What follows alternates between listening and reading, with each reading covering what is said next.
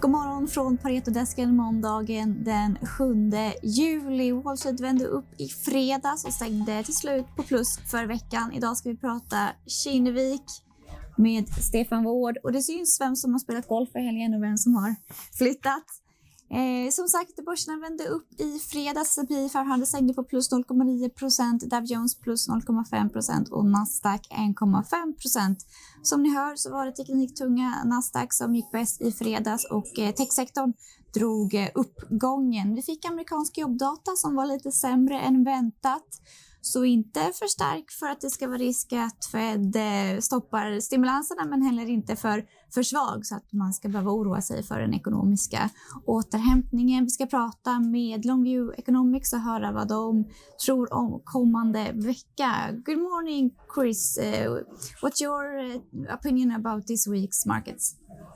Yeah, morning, Matilda. Hi. Um, I, I, think it's a tough. It's going to be a tough market. It, it did look like it was trying to break out at the end of last week. It's been sideways for quite a few weeks, really. I mean, both the DAX, uh, European markets, and the US markets have all chopped sideways for several weeks now. So, but at the back end of last week, they, they you know, the DAX in particular looked like it was trying to break out to the upside, and, and Europe as well, and even the US was back at the top end of its range.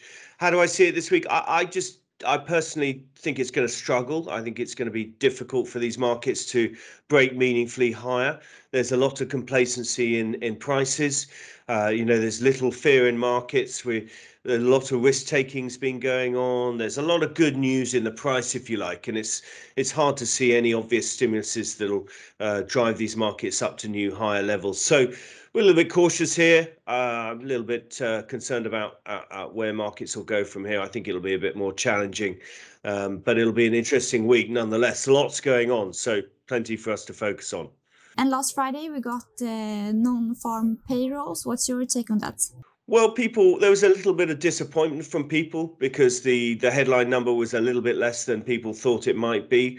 Um, there was, you know, chat that it could be much closer to to to the sort of multiple several hundred thousand closer to the million mark than it was. But um, you know i think it was fine. It came in in in in you know over half a million new jobs created. That's a big number.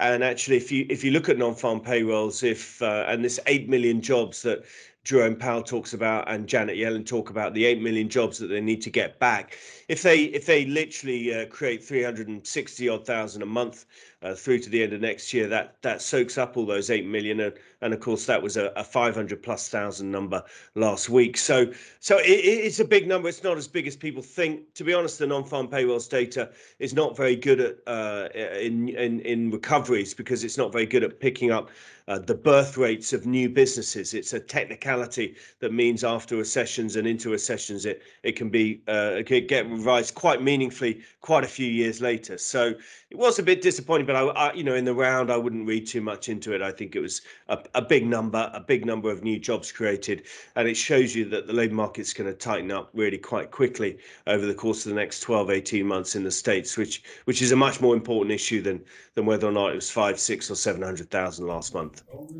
So the economic recovery is, is still strong.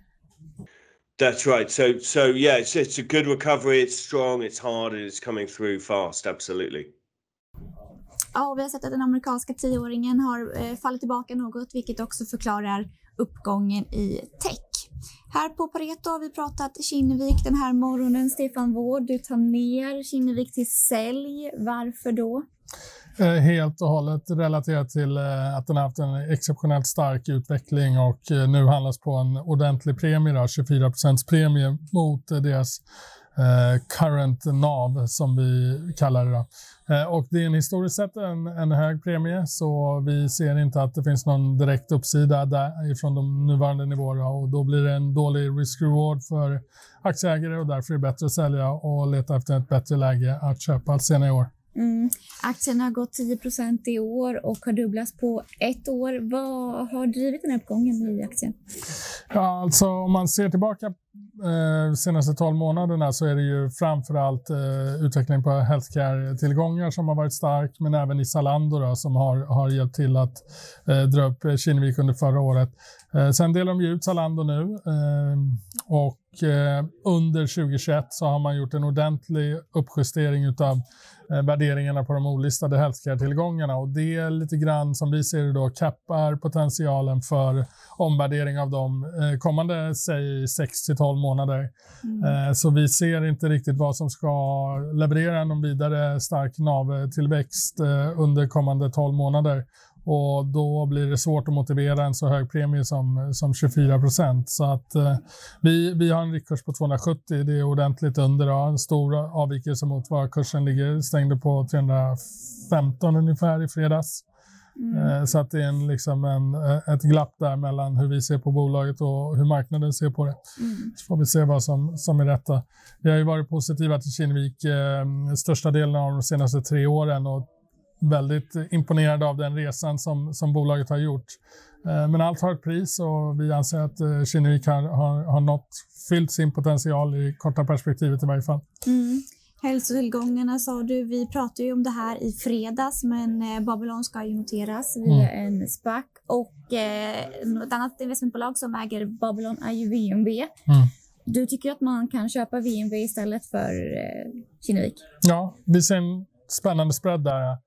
Eh, Kinnevik är upp någonstans runt 30 procent year to date eh, och eh, VNB är väl ner ungefär 10 procent.